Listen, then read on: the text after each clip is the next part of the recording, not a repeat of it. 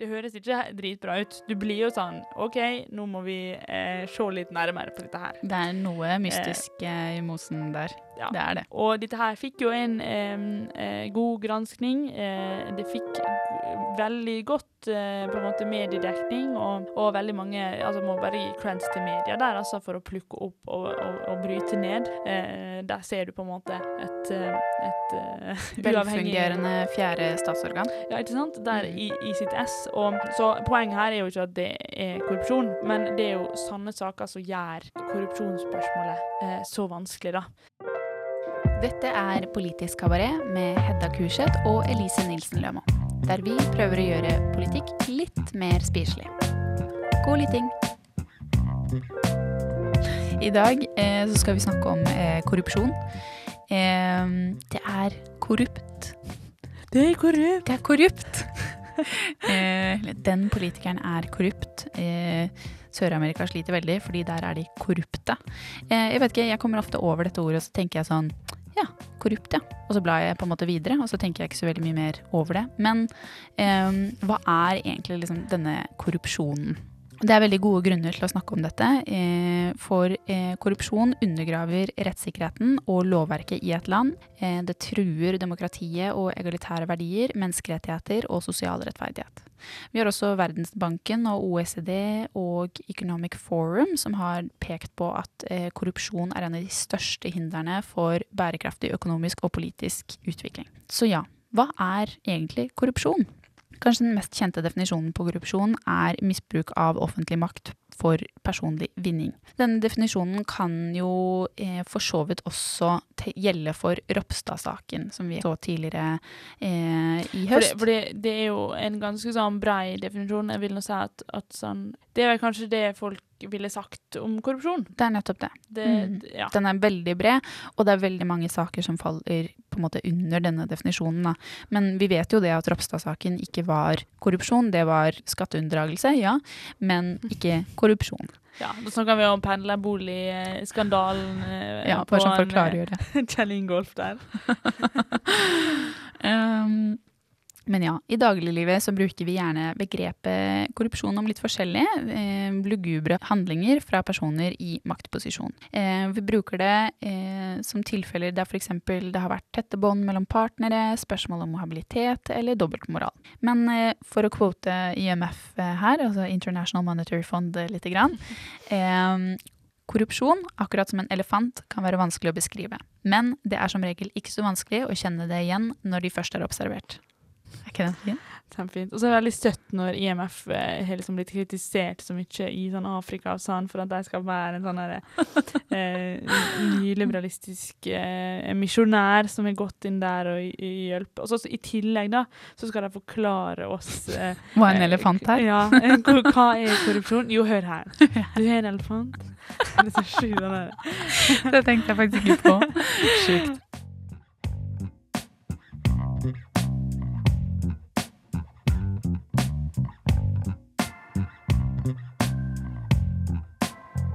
Men fra spøk til alvor. I den norske straffeloven, eh, paragraf 387 faktisk, så er korrupsjon definert som det å kreve, motta eller akseptere tilbud som en utilbørlig fordel i anledning stilling, verv eller oppdrag. Eller tilby noen en utilbørlig fordel i anledning stilling, verv eller oppdrag. Så det betyr altså at du kan på en måte både tilby korrupsjon og, og eh, motta korrupsjon. Ja, det er like Det er korrupt. like korrupt, begge Ja. deler. Eh, men ja, som sagt så er det i noen tilfeller veldig tydelig hva som er eh, korrupt. Eh, vi har f.eks. Eh, fra noen år tilbake VimpelCom-saken, eller den såkalte Telenor-skandalen, eh, hvor da store selskapet VimpelCom, som er Russlands nest største teleselskap, altså i februar 2016 måtte innrømme at selskapet hadde betalt nærmere 1 milliard kroner eh, i bestikkelser for å oppnå mobillisenser og dermed markedsadgang i Usbekistan. Eh, og det som er shady shady her, det er jo det at eh, Telenor eide opptil en tredjedel av aksjene i selskapet i perioden 1998 til 2019. Altså i denne perioden hvor, hvor disse bestikkelsene ble utbetalt, så hadde Telenor tre representanter i VimpelCom-styret. Eh, og dette ble jo eh, klart slått hardt ned på. Eh, det var jo absolutt eh, en skandale for eh, Telenor.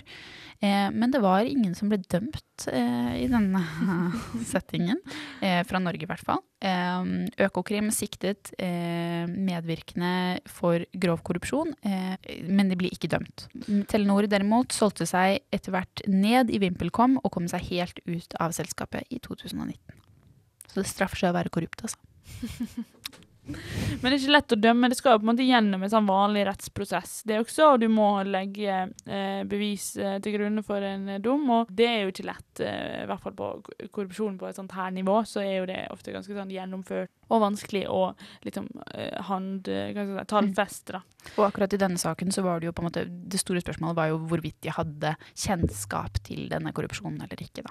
Så, ja. Eh, og i hvert fall sånn i VimpelCom så var jo det her ganske tydelig, men eh, mye av eh, de tingene som kanskje får litt sånn eh, korrupsjonsfingeren, er jo eh, det som ligger i i gråsona. Um, uh, for når ting virker litt shady, så stempler vi det gjerne som uh, korrupt. Um, og mange av de tinga hører jo gjerne til det som er lobbyvirksomhet.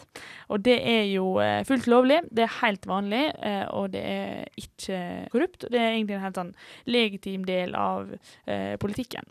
Og lobbyvirksomhet er jo nok et begrep som er litt vanskelig å forstå seg på, men det er jo Rent praktisk så er det på en måte et forsøk fra enkeltpersoner eller grupper til å påvirke eh, offentlig myndighet. Og det kan jo være på en måte eh, meg eller deg, Elise, eller så kan jo det være en person fra fagforening, fra ulike organisasjoner, som på en måte fremmer sitt synspunkt eller i en sak. Så det, det er jo på mange måter bare en sånn direkte informering til en myndighetsperson. Mm. Ja, hvordan skulle vi ellers da på en måte kommunisert våre interesser, om vi ikke skulle ta direkte kontakt og snakket med noen og sagt at liksom, det er dette vi vil ha? Ja, så, så helt, helt legitim eh, del av den eh, politiske prosessen. Eh, men så kan jo det på en måte bli enda vanskeligere igjen. Og hvis vi går litt videre, og, og, der det begynner å bli litt shady, er jo hvis da jeg vil bygge eh, basseng i mitt eh, borettslag, offentlig basseng. du Elise, du jobber i etat for for eh, Badebasseng? For, for, utbygging av badebasseng i borettslag. og jeg kommer til deg og sier eh, vi vil ha dette badebassenget, og du får årskort. Herlig. Herlig. Og da gjør du meg. det. Sant? OK. Eh, Elise, du bygde dette bassenget eh, motivert av eh, det vi kunne tilby. Eh, og der har vi korrupsjon. Det er korrupsjon. Så det enkelt var det. Ja, det der er jo et egentlig kjempegodt eksempel for hvorfor liksom korrupsjon er så vanskelig også. Fordi midt oppi dette så ligger på en måte sånn skille mellom gave og bestikkelse. da. Eh, vi vet jo på en måte teknisk sett hva som er forskjellen på en gave og en bestikkelse. I hvert fall tror vi at vi gjør det. Fordi at en bestikkelse så er det på en måte forventet at du gir noe tilbake. Eh, men en gave kan jo også på en måte Du forventer jo gjerne noe tilbake enn hvis du gir en gave til noen. I hvert fall i det minste et takk. Så eh, det gjør det jo veldig vanskelig, da. Gaver. Det er jo derfor ja. vi har utelukket gaver i Norge, f.eks. Og personer i offentlige stillinger ikke kan ta imot eh, gaver. Ja, der er vel et sånt der gaveregister faktisk i Stortinget, der mm. du må føre du må føre det. Mm. Um, så, som, ja. Men, uh, men, ja, det å, som du sier, kartlegge på en måte hva er motivasjon, og hva er på en måte et, et krav du bare møter, det er utrolig vanskelig. Og, uh, og akkurat det vi snakka om, det som går på gave og bestikkelse, har jo også vært diskutert mye rundt. Eh, og Eksempel på det er jo denne Tangen-saken. da, At vi eh, skulle ansette ny oljefondssjef, eh, Nicolai Tangen, for en stund tilbake. Eh, og det var jo mye føss eh, rundt hele den ansettelsesprosessen og motivasjon og tidligere eh, fond og Cayman Island. Det var mye greier som vi måtte liksom Ta tak i der? Ja, det var mye greier da. Og der var også korrupsjonsfingeren inne, da, spesielt på én sak, og det gikk jo på dette her Eh, kjente seminaret som han, eh, som han planlagte, eh, som heter Back to University, der han inviterte viktige folk i tre dager i Philadelphia, der de skulle være på seminar, og de skulle drikke, og de skulle kose seg, og de skulle være på konsert. der han bl.a. brukte 13 millioner kroner på å flyge inn disse folka her i privat fly, og han brukte så velkjent 9 millioner på Sting, da. Um, Privatkonsert med Sting. Det er veldig rart å bruke Hvis du skulle brukt ni millioner på en konsert, så hadde jo det ikke vært Sting? Eller er det Jeg liker Sting, Du jeg. liker Sting? ja. Nei, men det, du sier noe der. Um, ja. Men, eh, så, men det var sikkert flere som likte Sting, da, og blant annet var jo det Torbjørn Røe Isaksen, du hadde FN-ambassadør, og du hadde regjeringsadvokater, akademikere, eh, ja, samfunnstopper. Dette her skulle jo være et privat arrangement, da hadde ikke lov å legge ut noe fra det, da hadde heller ikke lov å eh, skrive det i sin offentlige kalender. Eh, for dette her var et privat arrangement for familie og venner for eh, påtroppende oljefondsjef Nicolai eh, Tangen. Og dette her var bare noen få måneder før han gikk inn i den stillinga. Ja, en kjenner jo sjøl at sånn, OK, dette her er jo ikke helt Det høres ikke dritbra ut. Du blir jo sånn OK, nå må vi eh, se litt nærmere på dette her. Det er noe mystisk eh, i mosen der. Ja. Det er det. Og dette her fikk jo en eh, god granskning. Eh, det fikk veldig godt eh, på en måte mediedekning, og, og veldig mange altså Må bare gi creds til media der, altså, for å plukke opp og, og, og bryte ned. Eh, der ser du på en måte et, eh, et eh, Velfungerende fjerde statsorgan. ja, ikke sant? Der mm. i, i sitt ess. Og, så poenget her er jo ikke at det er korrupsjon, men det er jo sanne saker som gjør korrupsjonsspørsmålet eh, så vanskelig, da. Eh, og denne her har jo fått sin gjennomgang, og vi har Nikolai Tangen som eh, oljefondssjef, eh, og det er ikke noe konflikt med, med, med den, det seminaret, da. Eh, men eh, sant, dette her er jo en situasjon som er i denne her gråsona, der OK, det lukter litt surt her, nå må vi se liksom sette korrupsjonsfingeren. Men, men igjen da så er jo det ganske bra, fordi at det gir jo den, det, den her ansvarliggjøringa av partene. For han måtte jo forklare seg. De som deltok der, måtte forklare seg. De la på en måte regninga og korta på bordet. For det er jo på en måte helt legitime feil. Altså sånn, En kan jo bare ha dårlig dømmekraft. En kan på en måte ha dårlig retningssans, og det også kan jo være på en måte dumt, men sånn, det trenger virkelig ikke å være korrupsjon. Eh, det som var viktig i den saken, var jo den åpenheten som ble, eh, ble vist i ettertid. Eh, og det er jo også det viktigste i møte med korrupsjon, eller også forebygge korrupsjon. Har vi transparency, eh, åpenhet, innsyn, eh, som gjør at folk må ta ansvar for det de gjør. Og, selvfølgelig da straffe det som har gått så langt som korrupsjon. Mm. Det er jo egentlig akkurat sånn som eh, Økokrim eh, sier, faktisk. Eh, mye kan imidlertid være kritikkverdig uten å være straffbart. Eh, for at forholdene skal være straffbare, må handlingen være klart klanderverdig. Eh, momenter ved vurderingen er bl.a. ytelsens størrelse og graden av åpenhet, nettopp som du sier, Hedda, og hvilken posisjon vedkommende har. Så ja, korrupsjon har mange fjes, og ikke alt er korrupsjon. Nei.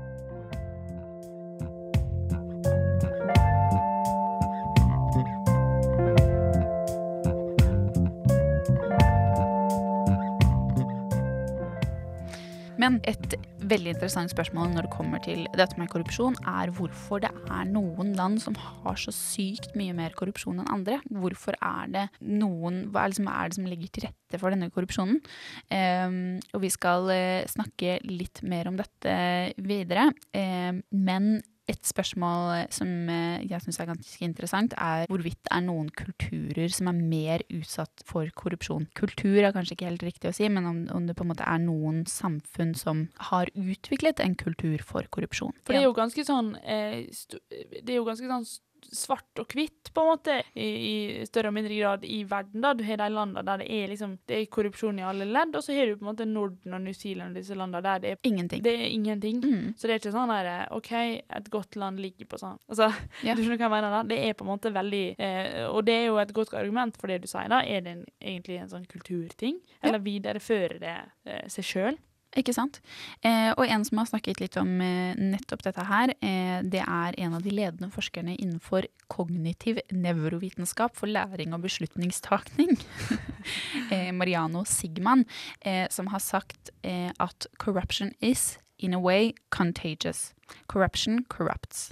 Og det er jo nettopp dette vi snakker om. Dersom vi oppfatter oppfatter at, eh, og det han mener, da, det er at dersom vi oppfatter at folk rundt oss er korrupte, eller handler på en korrupt måte, så senker det terskelen for at vi selv også skal utføre korrupte handlinger, eller være korrupte, da. For vi vil jo ha en del av kaka selv. Og hvis vi ikke stoler på at sidemannen har rene regneark, så kan vi jo like gjerne bare snuske litt med vårt eget. Ja, det er litt sånn samme greia hvis du tenker når du var liten, sant, og det var liksom godteri på lørdagskveldene. Hvis på en måte søsknene dine var veldig på på, på godteriskåla, da er det noe som blir aktivert i deg, sånn ja. du også må du ete må. i det tempoet. Ja, ja. Det kan sant? godt være at du ikke vil ha i det tempoet, men hvis du skal ha din del, så må du jo spise fortere, da. Ja. Det er kanskje litt samme tendensen i korrupsjonens verden. Absolutt. Eh, og det som for så vidt også er veldig interessant, det er at vi har noe som heter Corruption Perception Index, som er laget av Transparency International.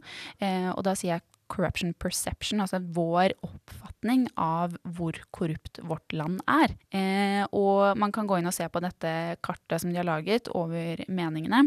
Eh, og så har de også en egen rangering av hvor, eh, som på en måte hva som er the perceived most corrupt country in the world. Eh, og det man ser, er jo det at dette kartet korresponderer ganske så nøyaktig med nettopp det du snakket om. Eh, at i noen land så er det korrupsjon i alle ledd, og det oppfatter også befolkningen.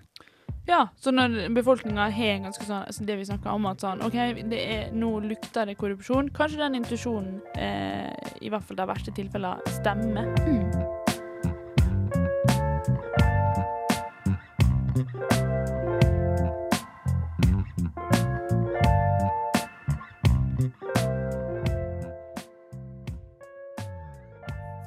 Today, we're very lucky to be joined by an expert on the subject, senior advisor at Christian Michelsen's Institute here in Bergen, working for the Anti Corruption Resource Center, uh, Guillaume Nicaise.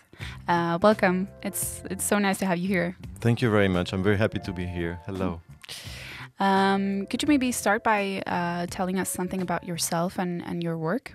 Sure, yes. So I work, as you said, as a senior advisor for the Christian Michelsen Institute, and I'm part of the U4 Anti Corruption Resource Center. So it's um, uh, an entity sponsored by uh, eight different uh, foreign ministries and development aid agencies. Our goal is is to support people working for um, uh, development aid agencies and foreign ministries uh, in their work uh, on development issues. So basically, um, these entities work in uh, developing countries and they try to implement development programs, and they have to consider anti-corruption aspects. So we help them uh, trying to deliver um, without the harmful impact of corruption and considering um, all aspects related to corruption issues, actually. And you've also lived and worked with corruption in, in quite a few countries, not just here in Bergen, uh, among them Burundi, Rwanda, and Togo, uh, where the levels of corruption are, are quite high.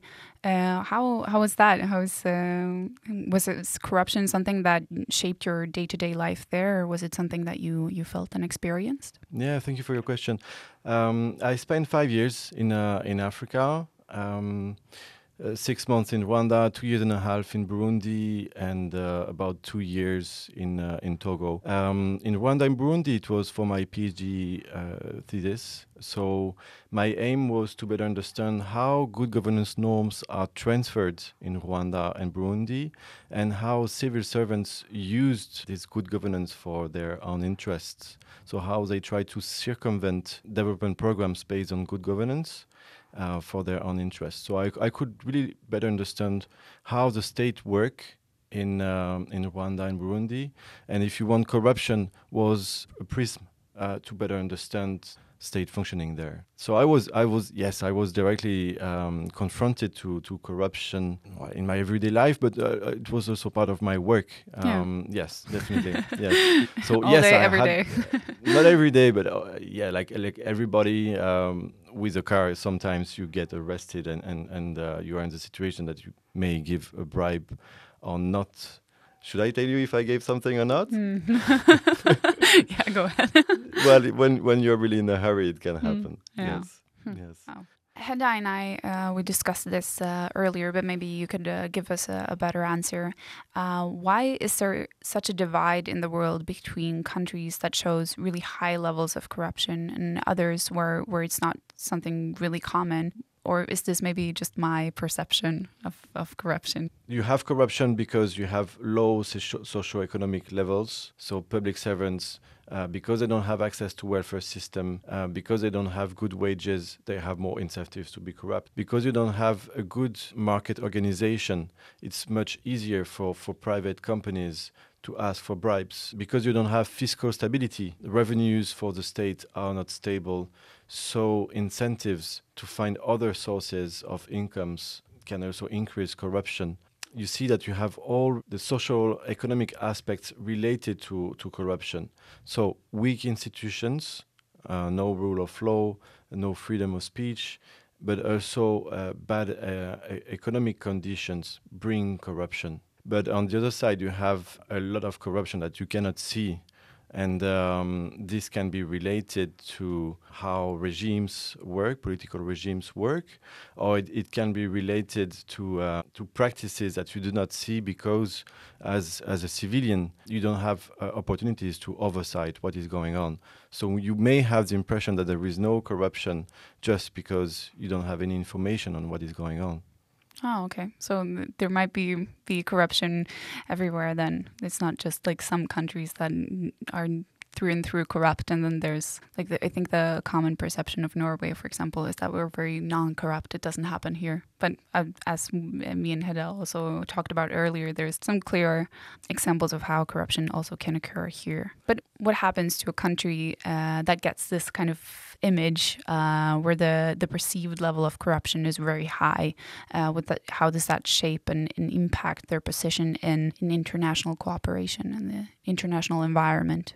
Um, it has clear consequences. If we take two examples, Rwanda and Burundi that I know a bit, clearly uh, to have access to um, foreign investments, uh, to have access to um, development aid programs, the more a country is considered as, as corrupt, uh, the less you will get access to to money. Uh, so Rwanda is. Um, excellent uh, to portray the country as being non-corrupt, and uh, and clearly they have ten times more money than uh, than Burundi. It doesn't mean that there is no corruption in, in Rwanda, but but they are very good at communicating on uh, a country free from corruption it has also an impact on the requirements that you can get from the IMF, International Monetary Fund. You have new requirements to, uh, to comply with when your country is considered as more corrupt.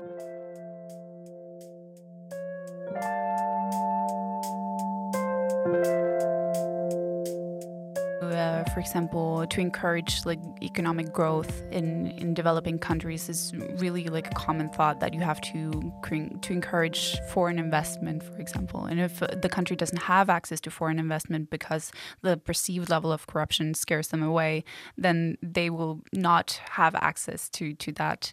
Definitely, uh, you, you, have uh, some companies that will never invest in a country that is considered as corrupt because they will not have the, uh, a fruitful business business environment, or because they they believe that uh, paying bribes is not what they want to do.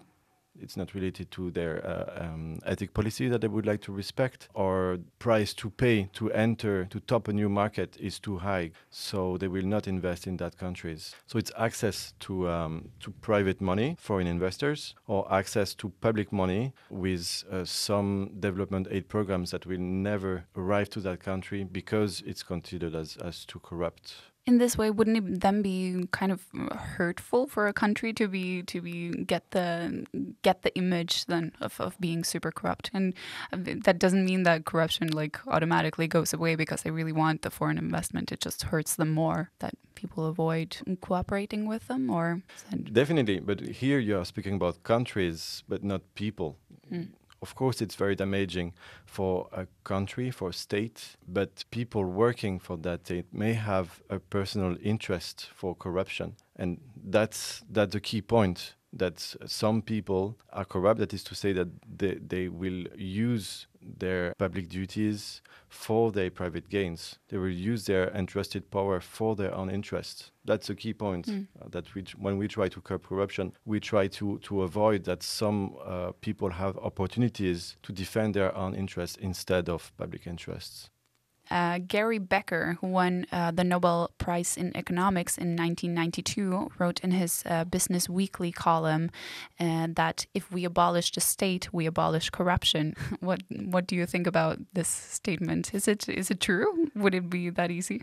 I, I don't think it would be too so easy. I mean, we, we don't know so much about how to implement uh, good anti-corruption policies when you have systemic corruption. It's it's really complicated. Um, but what we know is that privatization and neoliberalism can be also a danger because when you try to privatize uh, state-owned enterprises or when you try to outsource uh, public services, then you have the risk that you have more connections between uh, public servants and private entities and and more opportunities for public servants to look for their private interests instead of public interests.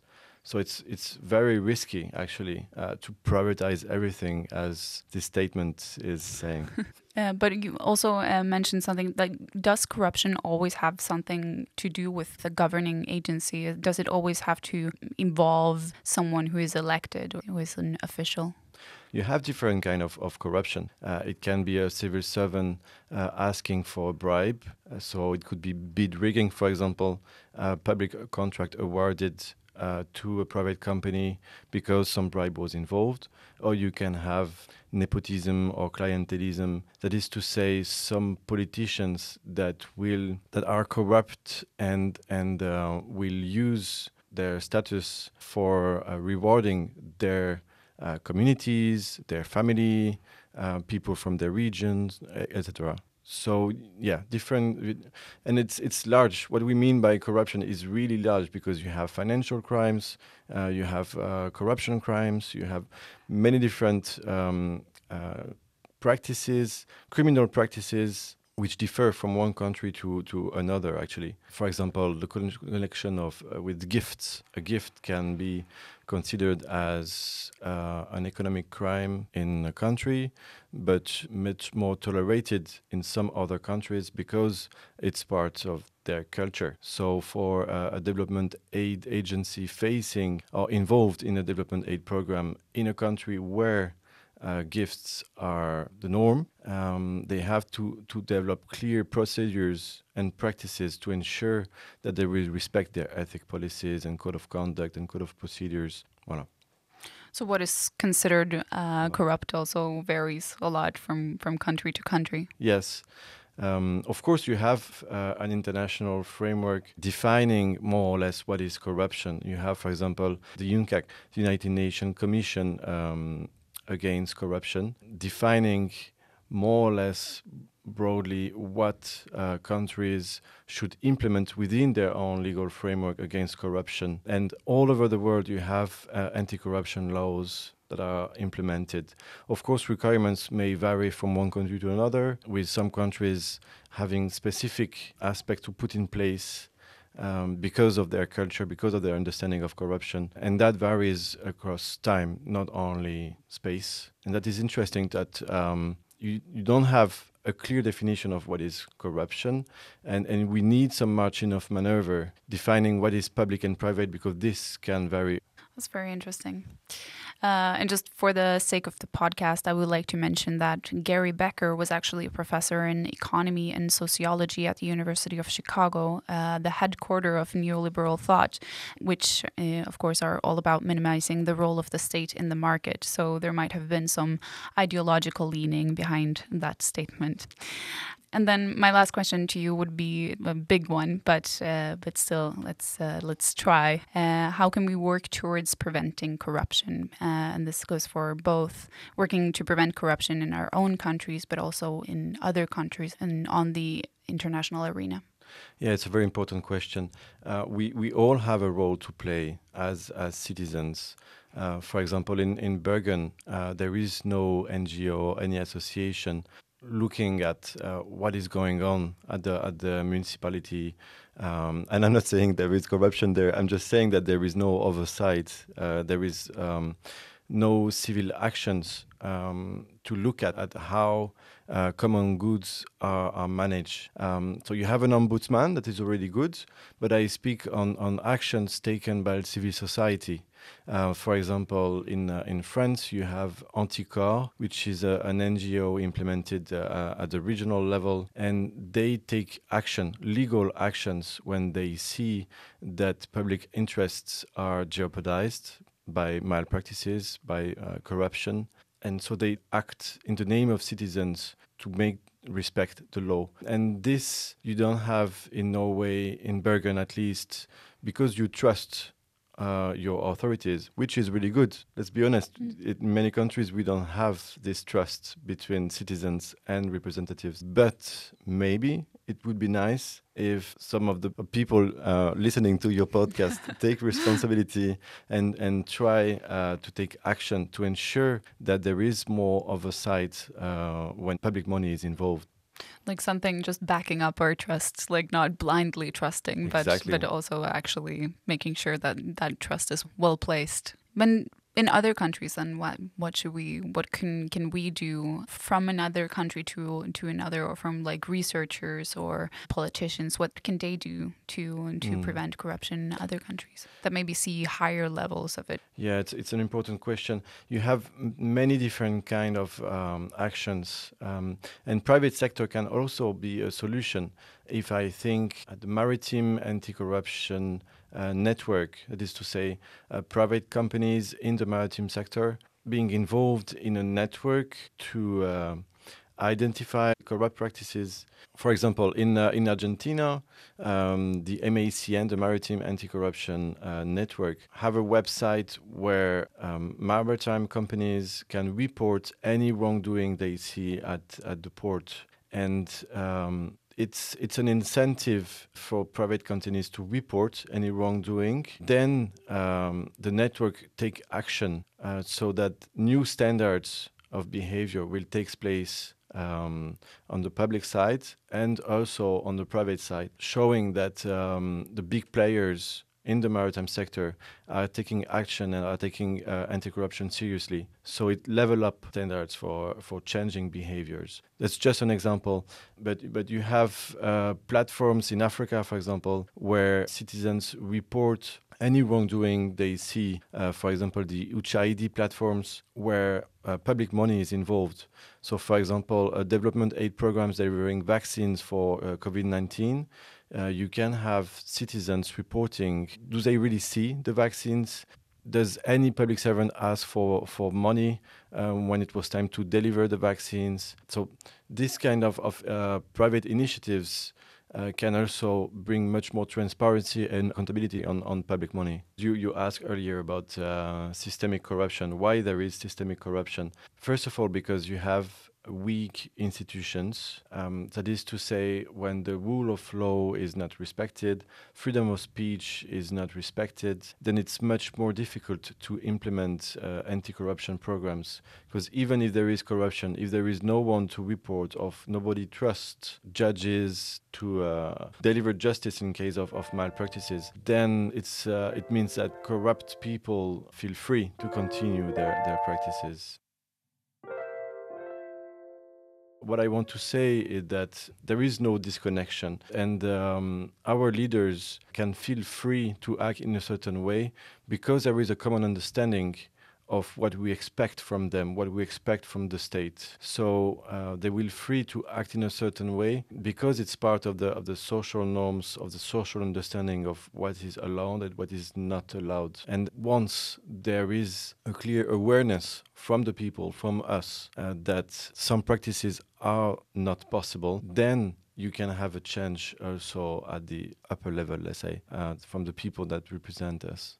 So it has to start from the mass level or the public then. Definitely, if you if you look on, on gender, for example, we can see that social norms change a lot, and it was not top-down approach. It was clearly a, a bottom-up. So we have a role to play not only to um, to report extortion or, or any practices uh, related to gender, because extortion is also related to corruption, um, but any kind of malpractices uh, related to uh, to corruption. And once you say it's not allowed, then you will have an impact. But it's it's about awareness, and I mean we all have a role to play in in changing social norms, and it can be also through movies, any form of communication to to modify the common understanding of of what is allowed and what is not allowed.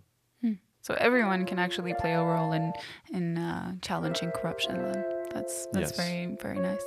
Yes. Thank you I so agree. much for uh, an interesting uh, interview, and thank you so much for for joining us. Thank you very much, Liz. It was really interesting to, to talk to you and reflect on these important issues. Du har hørt lyd fra Elise Nilsen Lømo og Hedda Kurseth. Denne produksjonen er tilknytta Studentradioen i Bergen. Vi må gi en eh, liten takk til Gjøri Marie Haugen for bidrag til å utvikle denne podkasten. Takk til Andreas Siem, som har produsert og spilt inn musikken dere har hørt. Takk til Andrea Olsen, som har tatt bilde, og takk til Signe Wolfeil for illustrasjoner. Dersom du vil lese mer om eh, det vi har snakket om, eller du for så vidt er helt uenig med oss, eh, så legger vi alle kildene våre på Instagrammen vår. Eh, Der kan du også gå inn og trykke 'følg', så vil du få varsler hver gang vi kommer ut med en ny episode. Produksjon, klipp og innhold har vi stått for sjøl. Det her har vært Politisk kabaret med Elise Nilsen Lømo og Hedda Kurseth.